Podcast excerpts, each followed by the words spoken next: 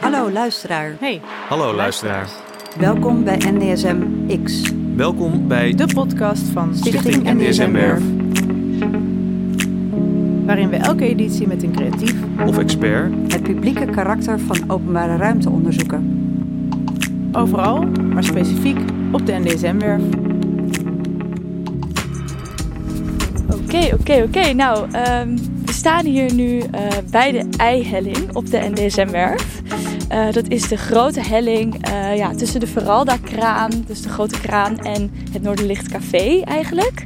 Het is de grootste helling die nog te vinden is op de NDSM-werf. En ik, ik sta hier met Henk Schut. Hallo Henk. Hallo, goedemorgen. Goedemorgen, goedemorgen. Ja, Henk, jij bent natuurlijk nou ja, wel NDSM-kunstenaar van het eerste uur, kunnen we wel zeggen. Eh, jij bent hier al heel erg lang actief als kunstenaar vanuit de NDSM. Dus ik denk dat we ook wel kunnen zeggen dat jij een heel goed perspectief hebt over de werf en hoe die is veranderd over de tijd heen. En ja, hoe is die eigenlijk voor jou veranderd, de werf, door de tijd heen? Nou, de werf is veranderd, maar toevallig de plek waar we nu staan, dus op de helling, die is totaal niet veranderd. Ah, oké. Behalve wat eh, graffiti. Is die, die plek heeft een soort eh, constante, maar de loods is natuurlijk enorm veranderd. Er zijn heel veel kunstenaars bijgekomen en kunststad en views en activiteiten van de buitenstichting, de NDSM-werf. Eh, het pontje wat ineens ontstaan is en wat iedereen hier naartoe kan brengen. Dus het is ook een soort bewustzijn van de stad voor deze plek. Wat natuurlijk gemaakt heeft dat er heel veel toeristen, heel veel bezoekers. Het was hier altijd best afgelegen en stil. Er was in het weekend drie mensen. Geen pont. Zes fietsen op een dag die langskwamen. Wat illegale activiteiten Oh ja, ja. vuren in korven. Dat soort gevoel. Dus, eh, dus het, is, het is. En natuurlijk de hele bouwactiviteit. die eh, de NDSM-werf nu eigenlijk omringt. En die bouwactiviteit is nog niet afgelopen. Dat gaat nog wel even door. Dus, dus die werf wordt langzaam ingesloten in een nieuwe realiteit van de uitbreidende stad. En dat maakt natuurlijk ook dat er ineens heel veel mensen hier ook eh, dit terrein eh, in hun vizier hebben. Ja, Wat voorheen natuurlijk gewoon, het was een onzichtbare plek. Terwijl het vlak bij het centrum zit. ja. En ik kwam in 2000 uit Londen. En dus met het Londense perspectief, en ik had 16 jaar daar gewerkt. En toen besefte, of toen dacht ik ineens, wauw, dat het zo dicht bij het centrum is. En dat daar een mogelijkheid gaat bestaan voor een beroep- beroepplaats is natuurlijk fantastisch. Ja, ja, zeker. Ja, en je zei dus dat deze plek op een, een of andere manier niet echt is veranderd. Waar denk je dat dat aan ligt? Nou, deze plek is een beetje verborgen omdat het begint met een hoge muur.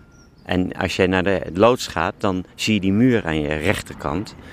Of achter je. Maar die, eh, dus je ziet die helling niet goed, want die helling begint natuurlijk hoog. En dan gaat hij langzaam richting water. Dus, dus tenzij je de moeite neemt om eromheen te lopen en een trap te nemen, krijg je dat geweldige monumentale uitzicht op de stad Amsterdam Waar we nu op kijken. waar we nu op kijken, niet te zien. Ja. En dat is natuurlijk. eh, en ik denk dat er toch best veel mensen dat missen. Die, die gaan naar het Graffiti Museum, die gaan naar de loods. En eh, dus eh, ja, het is daarom ook, heeft het ook wel een soort schoonheid. Dat die plek nog zo. het is ook een monument. Dus onaange- onaangetast. Hoe zeg je het? Onaantastbaar? Nee. Ja, onaangetast. Ja. Onaangetast is. Ja. En eh, voor jou persoonlijk, wat, wat is deze plek voor jou? Deze plek of de, de helling? Deze- de, de helling. Nou ja, dit is natuurlijk een plek van rituelen. Van, van er is iets gemaakt en dat gaan we nu te water laten. En dat doen wij natuurlijk ook precies straks met het, eh, het werk in Tune. Ja. We hebben het gebouwd. Allemaal met metaal. Precies dezelfde, eigenlijk bijna traditioneel dezelfde materialen als de- hoe de schepen werden gemaakt. Inclusief het brons van de vork. Want dat was natuurlijk de scheepsschroef. Ja. En de klok van de... Of de bel, hoe zeg je Ja, je zegt de klok volgens mij in het Nederlands. Hm. Van de, van de, dus, dus we zitten eigenlijk vlakbij dat ritueel. En, en stemmen is natuurlijk ook een rituele activiteit. Ja, ja, ja, ja. Ja, mooi Henk. Thanks. Eh, nou, we zijn ondertussen zijn we bij de studio aangekomen. Ah, oh, zie je Eh, ja, ja, zeker. We gaan hier straks een trappetje af en dan eh, zijn we er al. Oké, Eh, Oké, helemaal goed. Nou, dan eh, eh, eh, over naar de studio zou ik zeggen. oké. dit is, dit is nog een beetje... Welkom, Henk Schut. Ja, dank je. NDSM, kunstenaar van het eerste uur. Volgens mij sinds 20 jaar nu? Langer al. Ja, 22 jaar. 22 jaar. Eh, dus een studio op het terrein, multidisciplinair maker. Maar misschien kun je jezelf ook zo nog even zelf omschrijven. Eh, in het verleden ook artistiek leider geweest van het Nederlandse theatergezelschap Dochtroep. Dat ook gevestigd was op NDSM. Ehm, welkom. En we starten altijd met een paar eh, dilemma's. Ja, en dan kun je daarna even jezelf introduceren. En het zijn dilemma's waarbij je eigenlijk alleen maar gewoon één van de twee mag kiezen. Oké. Dus het is ja, makkelijk en moeilijk tegelijkertijd. Oké. Eh, geluid of stilte? Stilte. Amsterdam of Londen? Londen. Waar je 16 jaar hebt gewoond, toch? Ja. Oh, toch Londen? Dit doet een beetje pijn. In één zin, waarom? Omdat ik dan weer helemaal opnieuw moet beginnen. Ah, en Ik dat... ben daar al 22 jaar niet geweest. Ja, ik ben natuurlijk wel nog wel geweest, Ja, maar ja. niet meer gewoond. Dus, en ik hoor dat er weer allerlei nieuwe dingen zijn. Terwijl hier ben ik. Ja. Ja. Dus dit heb ik. En ik wil Ja. dan weer het onbekende Ja, ja, oké. tegemoet. Ah, dat is Zoek naar het onbekende. Theater of kunst? Kunst. Straat of museummuren? Straat. Nou, waren toch makkelijke dilemma's zo. Ja. Tot nu. Zo tot nu toe gaat dit waren ze al, dit waren ze al hoor. Dus dat, eh, we zijn er eigenlijk al. Dat heb je gehaald, de dilemma's. Precies. Ehm, misschien even terug dan naar de intro. We noemden jou net mul- multidisciplinair maker. Hoe, eh, hoe leg je zelf je praktijk uit? Eh, nou, ik ben inderdaad geïnteresseerd in hoe verschillende kunstvormen zich tot elkaar verhouden. En Mhm. ook omdat ik dan denk dat je, als je, zeker als je met een omgeving werkt, dat je eh, makkelijker je kunt bewegen tussen die verschillende disciplines om in relatie te komen met die plek. Ja. Dus, dus als je één discipline hebt, dan zit je daar ook aan vast. Ja. Maar misschien vraagt die plek wel om een heel ander soort manier van denken. Ik zeg maar wel bijvoorbeeld dat je helemaal niets doet. Maar dat je alleen maar iets doet met iets, iets lives. Dus met mensen. Mhm. eh, zonder iets te bouwen. Maar een andere keer wil ik heel graag iets bouwen. Een derde keer blijkt dat je niets wil bouwen, maar dat heel veel gebouwd moet worden om bijna niets te laten zien. Ja. Ja, Dus, dus dat- die zoektocht naar het onbekende of die onbevangenheid of openheid, die probeer je wel elke keer eh, Ja. te behouden. zeker. Hey, en ehm, kan je ons meenemen naar de eerste keer dat je NDSM, weet je dat nog, dat je in aanraking kwam met de NDSM als plek? Eh, ja, want ik kwam uit Londen, ehm, woonde in Geuzenveld. En toen zei iemand, ja, er zijn allemaal eh, ateliers, die gaan ze volgens mij bouwen op de NDSM-werf. Was ik natuurlijk nooit geweest, dus ik ging er meteen heen. En ik, welk jaar was dit? ik denk 1999. Hm. Of 98 zelfs. En toen ehm, kwam ik hier en toen dacht ik, jee, want ik had natuurlijk de Londense ogen nog. Ja, ja. Zo dicht bij het centrum. En zo'n eerst grote iedereen plek. dacht toen Noord, zo ver weg. Ja, goed, maar eh, voor mij was dat Ja. niet ver weg. Hè, Nee, maar precies. Alleen was het om te komen, er was geen pont. Je moest helemaal vanaf het Centraal Station fietsen, daar naartoe. Eh, het, het voelde heel leeg en ook enigszins getraumatiseerd. Hm. Alsof er een, eh, een soort verdriet was. Hè, die, die, die NDSM-werf is natuurlijk eh, failliet gegaan, overgenomen. En die deuren zijn gesloten en toen was het echt stil in die plek. En toen is heel langzaam weer het eerste geluid ontstaan met, met het idee dat er dus eh, een beroepplaats kon komen. En toen dacht ik, daar moet ik me voor inschrijven. Want ik heb een plek nodig, want ik woonde op een kamer van 4 bij 3. Daar kon ik niks doen. En wat ik ook meteen aantrekkelijk vond, was dat je dan een hele infrastructuur aangeboden krijgt van allerlei andere kunstenaars die langzaam maar zeker ook die loods in Ja, kwamen. je krijgt zo'n netwerk ook meteen eh, Ja. wat zich vormt. Ja. En omdat ik multidisciplinair werk, heb ik heel veel, werk ik heel veel met andere mensen, omdat ik zelf niet zo heel veel goed kan. Ja, als je gaat lassen, dan kun je beter met een lasser werken die dat Ja. iedere dag doet. En ik waardeer ook heel erg die verschillende kwaliteiten van mensen. Dat vind ik ontzettend leuk om, om dat te observeren. En daar geniet ik echt van. Dat iemand vanuit een heel ander perspectief zegt: ja, nee, dat moet je zo niet doen. Dat moet je zo doen. Dus voor mij is dat ook een hele reis eigenlijk van je idee naar uiteindelijke uitwerking van een, van een werk. Hm. Nou, ik kunnen we zo meteen denk ik ook nog even bij eh Intune op terugkomen, toch? Op die samenwerking. Zeker. Ehm, Want je was eh, op een gegeven moment ook artistiek leider van Dochtroep. Was dat, in welke periode verhield dit zich tot je studio op de NDSM? Dat was, toen was ik, had ik al een studie op de Toen had je al een studio? Ja. Ja. En zij zaten ook al hier? Zij zaten toen vlakbij hier. Eh, inmiddels, een, ik denk 500 meter hier vandaan. Ja. En eh, dus daar, daar heb ik natuurlijk ook heel veel mensen leren kennen.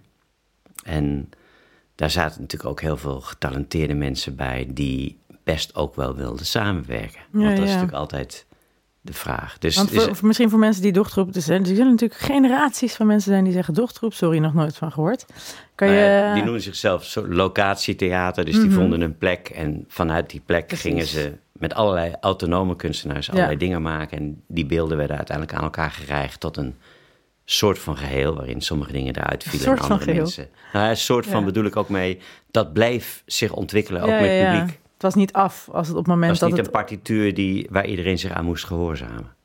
En er was toen ook één soort van legendarische, mythische voorstelling hier op de Eihelling geweest. Met allemaal water die over de helling kwam en, en spuitende bootjes. Nou, ik heb daar alleen maar een paar clips, videoclips van gezien. Ja, maar alleen, alle- ik heb ook alleen maar video's gezien, maar die zijn Ja. zo indrukwekkend. Dat je alleen maar van horen van. Ja, Ja, precies. Ja. Maar volgens Zo mij was. Wart toen al betrokken. Eh, dus die heeft heel veel ervaring ook met die specifieke eihellingen. En Bart is nu natuurlijk ook bij jouw kunstprojecten betrokken. Ja, dus daar komen zeker. Er zit inderdaad heel veel kennis al, eh, al onder van mensen die hier al lange tijd. eh ja, maar wat, werken. wat, heb je, wat heb je geleerd van die tijd dochtroep, wat je eigenlijk nog steeds in je praktijk gebruikt? En hoe ging ook die overgang dan eigenlijk van nou ja, dat naar, naar toch eh, meer een autonome praktijk?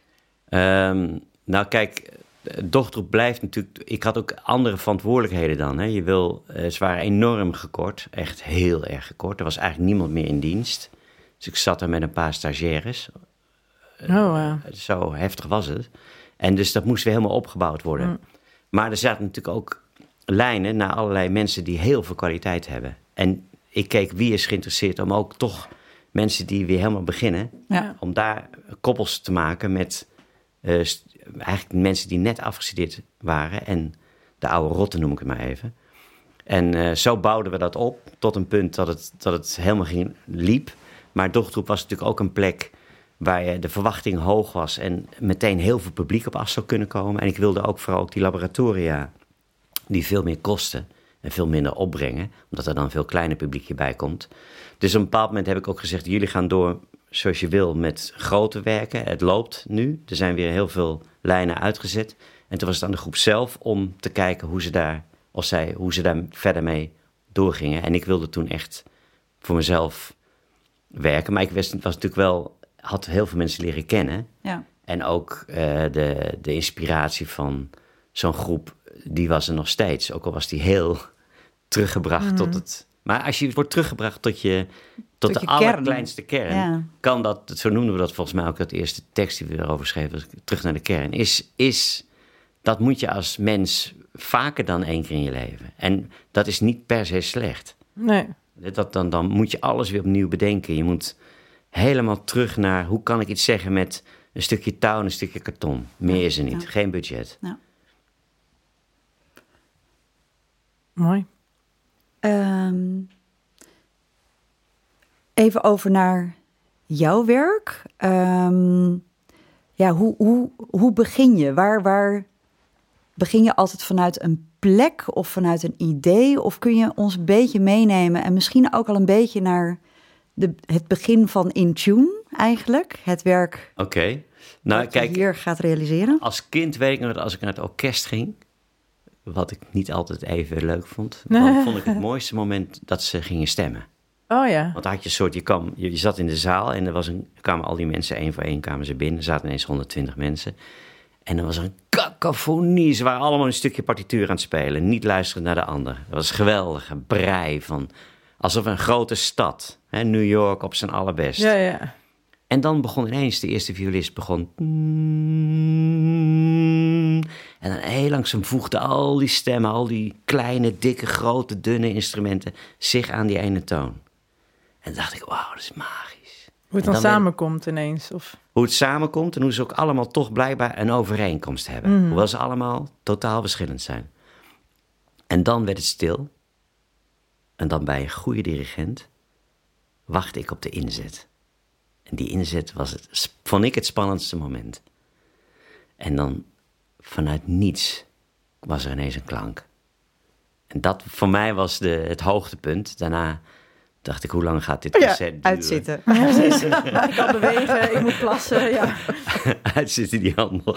Maar dat, dat, dat en, en nu vind ik nog steeds, ik, tuurlijk eh, blijf ik wel zitten, maar vind ik nog steeds, en dat zie je of je nou een popmuzikus, een, een jazzmuzikant, die werken nog steeds vanuit, alsof het vanuit heel ver komt er een klank op je neerdalen en plotseling communiceert hij dat met zijn instrument naar je toe.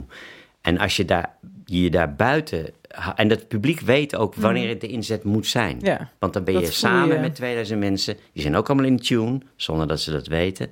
En dat moment is dus heel belangrijk.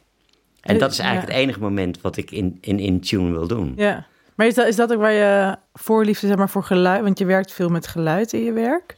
Ehm nou, in tune is ook een geluidswerk. Is dat ook, zeg maar, ging het je echt ook om, om dat geluid? Is dat waar, waar die voorliefde voor klank en, eh, is ontstaan? Nou, kijk, als, als je een, een heel groot stuk metaal in de loods laat vallen. hè, de Mhm. loods heeft een eh, akoestiek van de Notre Dame. Ja, dan klinkt dat metaal door de hele ruimte en dan even bevriest iedereen. Niemand is gewond en iedereen gaat weer door. Maar dat is een, een geweldig moment van bewustzijn. En dus in die zin vind ik. Ik weet totaal niet meer wat jullie vroegen. Ik ben helemaal nu bij nee, die ga- over geluid. Inderdaad, nou ja, daar ga je al. Jij, jij wordt gewoon helemaal meegenomen door de klanken alleen al. Ja, Dus, dat, dus en die dat voor geluid. natuurlijk- de- de- geluid is natuurlijk iets wat... Kijk, als ik nu jullie, mijn ogen sluit, dan zijn, bestaan jullie niet meer. Maar met geluid, eh, je oren sluiten is heel erg moeilijk. Je voelt het met je hele lichaam. Dus het heeft een hele directe connectie met je anders, andere kant van je denken. Het is veel intuïtiever in die zin. En dus dat heeft me wel ook altijd geïnspireerd. Ik weet nog dat ik een keer in mijn bed lag, was ik ook heel klein. Het was het kerstnacht. En toen hoorde ik heel zacht zingen. Ik dacht, ik, ik, ik moet dromen. En, maar het was prachtig, omdat het zo onverwacht was. En het was heel zacht. En toen verdween het weer. Dus ik dacht, nou heb ik gedroomd. Dus de volgende morgen vertelde ik dat aan mijn ouders. Ze zeiden, nee, dat is een boerenkar. Echt? Waar een heel koor op zit. En dat trekken ze heel langzaam door het dorp. En toen vond ik dat was ook weer dus, dus geluid. Kijk, geluid prikkelt de verbeelding. Zonder Ja, dat ja. je. Het kan je meevoeren naar iets directs. eh, zonder dat, dat het, eh, het. Ben jij nog steeds de auteur van dat beeld? En dat vind ik ook leuk om met het publiek te delen. Zij bepalen uiteindelijk wat ze zien met dat geluid en niet ik. Dus ook al noem ik het een beeldend werk, vind ik het toch eh, spannend om te werken dat voor een heel groot deel de fantasie van de, van de toeschouwer, die dus dan niet langer meer een toeschouwer, maar deelnemer is. Ja, On- onderdeel van. ja. Ja, wat geur ook kan hebben, is dat met geluid of met muziek of stemmen kan het je helemaal terugnemen naar een bepaalde plaats. En dat heb ik met geur bijvoorbeeld ook wel eens. En met beelden heb ik dat dan minder. Dus er is een soort van ander soort referentie in. Maar is het niet ook persoonlijk dat de een veel meer beeldend Ja. herinnert of denkt of kijkt en de ander veel meer auditief? Jawel, maar als ik nu eh, jullie eh, blind, blinddoek, hoe zeg je dat? Blindeer? Ja, Is dat blindeer? ja. Ja, blinder. Als ik jullie blindeer nu en ik ga nu met geluiden beginnen, dan gaan jullie toch. Nou, die microfoon is niet zo heel gevoelig, maar dan ga je toch meteen beelden zien. Ja, Dus, dus eh, misschien is Ja, het waar het- wat je ja. zegt, maar er is Eh, altijd een, een effect. Communiceert met Ja. elkaar ook. het, eh, ja, het heeft. eh, maar goed, het is eh, mijn. Je hebt gelijk, het- het- ik kies hiervoor.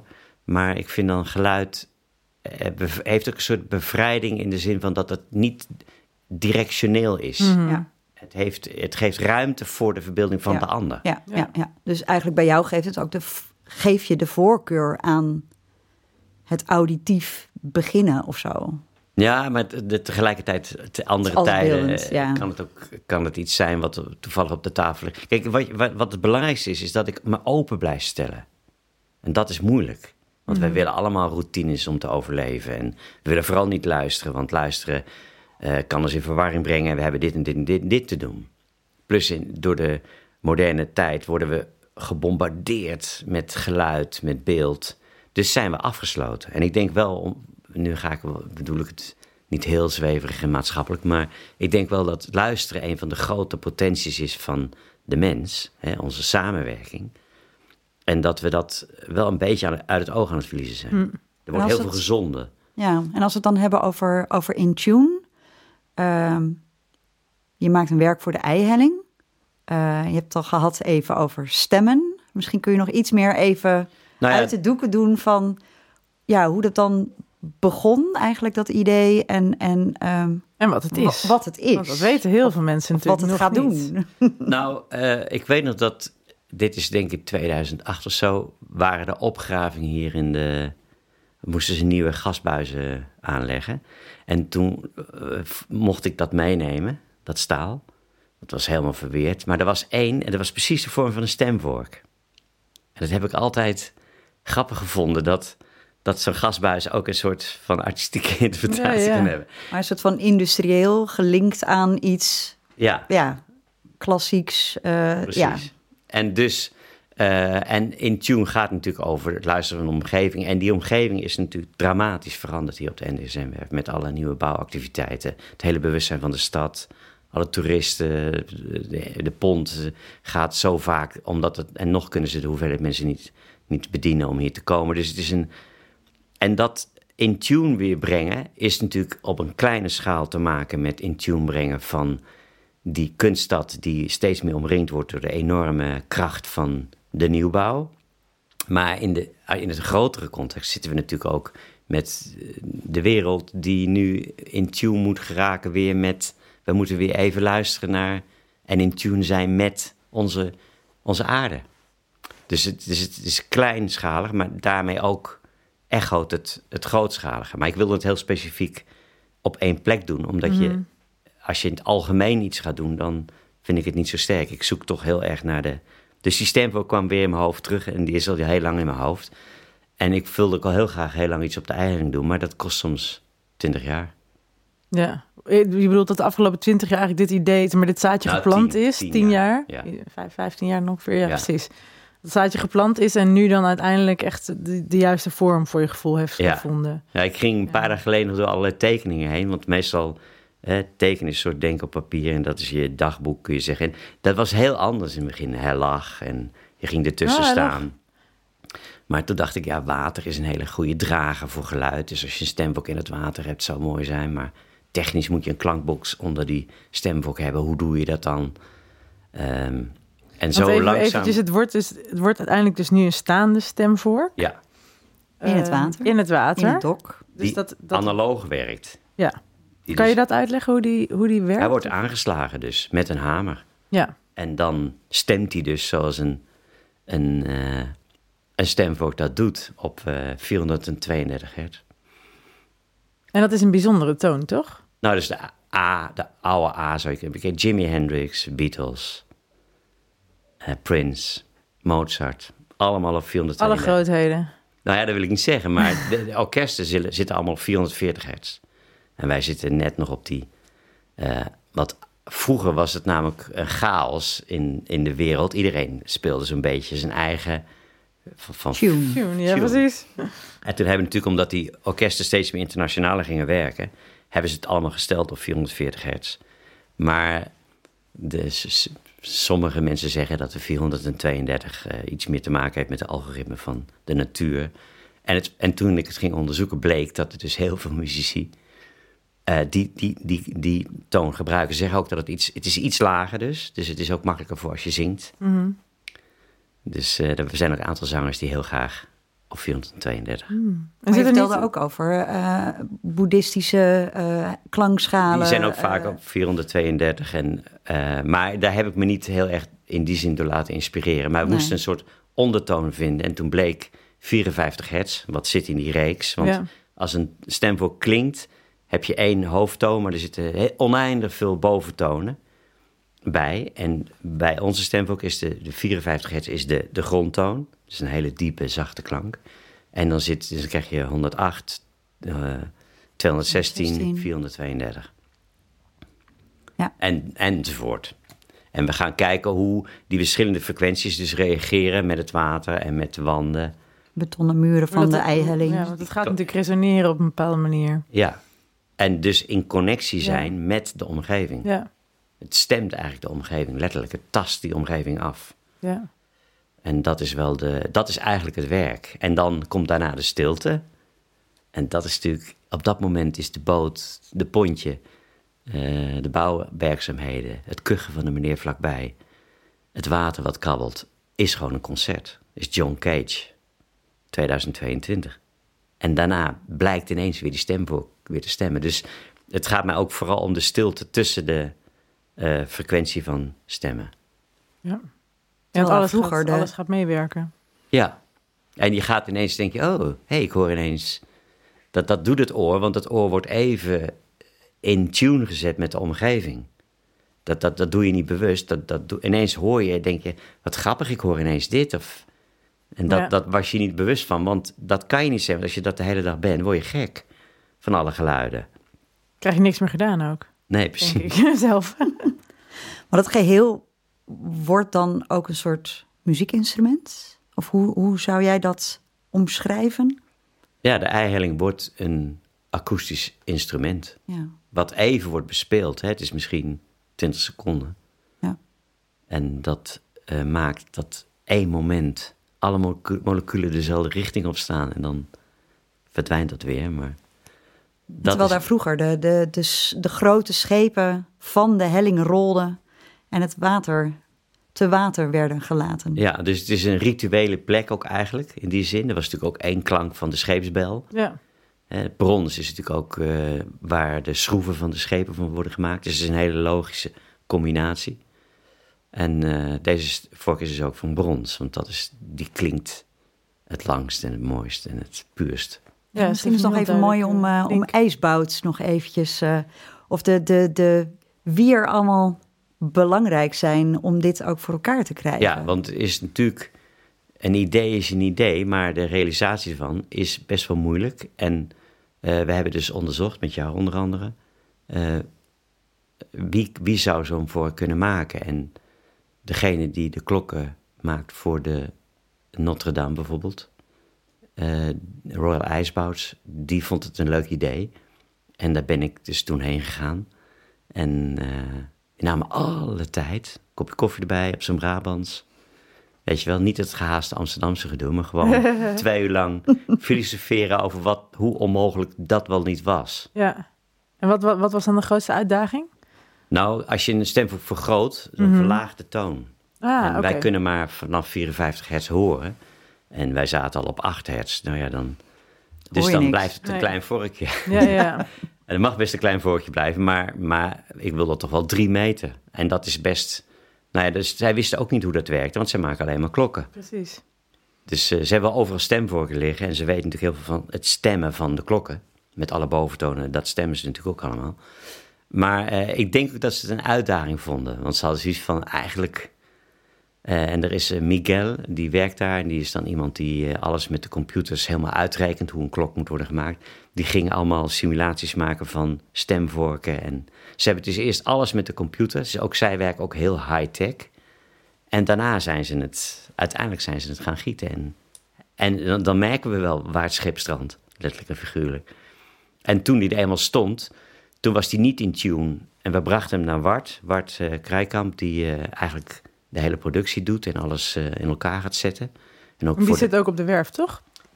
hij zat vroeger op de Hij zat vroeger op de werf, Ja. ja. maar hij heeft nu zijn eigen studio eh, Knutselparadijs. Mhm. Dus die ijsbouwsdag Knutselparadijs, dan krijgen we een heel klein plekje Ja. te zien. Met allemaal kinderen die... In die elkaar eh, geknutseld. Je klinkt heel kneuterig. Oh, ja. ja, het is een grote kneuterig vibe. Maar het, was een, het is een gigantische loods en hij kan ook, hè, die, die klankkast is alleen al 6000 kilo. Dus hij weet hoe hij met gewichten om moet gaan. En om hoe die stemvork in tune te brengen met die klankkast. Ja. Dus toen bleek dat er een stuk van de, van de tuningvork af moest worden gezaagd, 12 centimeter. Maar daar had IJsbouts al rekening mee te gehouden. Ze hadden hem langer gemaakt. Mm. Kijk, zij en dan, wisten- dat, dat is slim, hè? Ja, dat is slim Ze wisten, hij gaat, hij gaat stukjes. En de klankkast moest, ik geloof, 400 kilo zwaarder worden gemaakt. En toen ineens kwamen ze op dezelfde frequentie. En toen gingen ze elkaar dus versterken. En dat, is, en dat is geweldig. Dan sla je hem aan en dan begint ineens die kast daaronder ook mee te praten. Ja, Dat is eigenlijk dus, dus we zitten heel veel te stemmen eigenlijk al voordat we überhaupt hier zijn. ja. Dat is ook een leuk avontuur, want een hele dag stemmen, weet je. En dan gingen we met z'n allen op die klankkast staan. En dan, hoeveel weeg jij? Ja, 70 kilo. ja. Dan moesten we er allemaal bij optellen. Want op een bepaald moment hadden we gewoon niet genoeg gewichten meer. Ging je er zelf bij staan? Ik niet, nee. Want even, ehm, eh, nou, deze podcast is natuurlijk altijd te beluisteren, maar nu leven we zeg maar net voor de opening. En 1 oktober gaat, eh, gaat het werk, wordt werk officieel geopend op de eihelling. Ehm, en eh, nou, dan eh, gaat iedereen gezamenlijk met jou en de omgeving in tune komen. Eh, we hadden het net even over dat jij ook zei, ja, het is zo mooi dat als jullie nu je ogen dicht doen en je hoort iets, dan krijg je vanzelf je eigen verbeeldingen daarbij. Ehm, hoeveel context wil je dan geven aan het werk op de plek zelf? Je hebt natuurlijk altijd een expositiebordje, maar vind je het fijn dat mensen wel iets weten? Wil je het liefst helemaal loslaten? Hoe, hoe zie je dat voor je vanuit het publiek gezien? En nou, ik hoop dat, ook al staat er een bordje bij, dat de ervaring die eh, overstemt. dus Ja. ik denk dat het niet, eh, dat het, eh, mensen willen ook gerustgesteld worden. Dat ze zich open kunnen stellen. Ja. Dus soms helpt zo'n bordje. Maar ik denk ook dat in de ruimte van die eihelling die groots is... en ook een soort leegte heeft ook, dat vind ik ook zo mooi. En ik hoop dat ik hem niet te veel opvul. Dat het precies Ah, die balans gevonden is. En dat eigenlijk de klank hem opvult. Met jou als die in herfstachtige regen die, die trap op is gegaan in je nieuwsgierigheid. En daar een stem voor in het water zag. En, en ineens klonk die. Totaal verrast. Dat, dat, dat lijkt mij de mooiste ervaring. Maar dat eh, gaan we zien. Want dat- we, we zijn natuurlijk heel veel elementen niet in controle. We weten niet hoe die klankkast gaat reageren Nee. als die in, onder water staat. Het is een groot experiment dit. Ja, maar wel eh, heel goed zoals we kunnen voorbereid. Mhm. Ja, berekend. Ja, een berekend eh, Experiment. risico-experiment. Maar het blijft... Het blijft spannend. Maar dat is ook, vind ik, Ja. de, deze plek. Ja. Het plek van experiment. En ik Ja. hoop dat dat in de loods en, en ze ook zo blijft. Ja. Dat, dat hebben we omarmd en dat is wel, denk ik, ons bestaansrecht. Of hoe zeg je dat, onze identiteit voor een deel. Ja, ik ben heel, eigenlijk, eigenlijk moeten we gewoon over een jaar nog een incheck doen, toch? Om eens even te kijken hoe, eh, hoe, Hoe het, in hoe het tune. allemaal geresoneerd heeft. Ja, je en, kan het eh, niet opnemen. Hè? Je kan het op je iPhone opnemen. Maar Nee, die maar je gaat- je je, dat niet kan voelen. dat niet weergeven. Nee, Die, precies. die laagte. Nee. Dat hebben we voor de gein geprobeerd. Nee, die Dus- klankkast kan je ook niet, denk ik. Dat werkt niet. Nee. Nee, is te laag. Dus Ja. iedereen die eh, gaat filmen, die mist, eh, dat is ook alweer leuk. Dus die ziet de visuele en dat zal ongetwijfeld daar die, die eigenlijk mooi zijn. Maar die mist eigenlijk de essentie Ja. van het werk. Dus deel het zoveel als je wil, maar je moet komen. Je mag het Instagrammen, maar kom toch live kijken. Dat. Of luisteren of meemaken. Precies. Ja. Maar dat is wel het fijnste toch bij een werk? absoluut. Als het Sowieso. gewoon echt nodig is. Ja.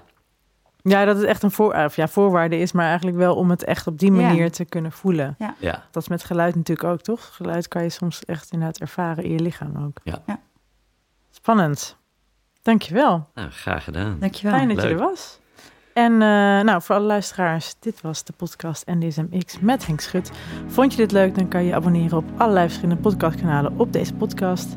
En ideeën, feedback is altijd welkom. Redactie.ndsm.nl En tot de volgende keer.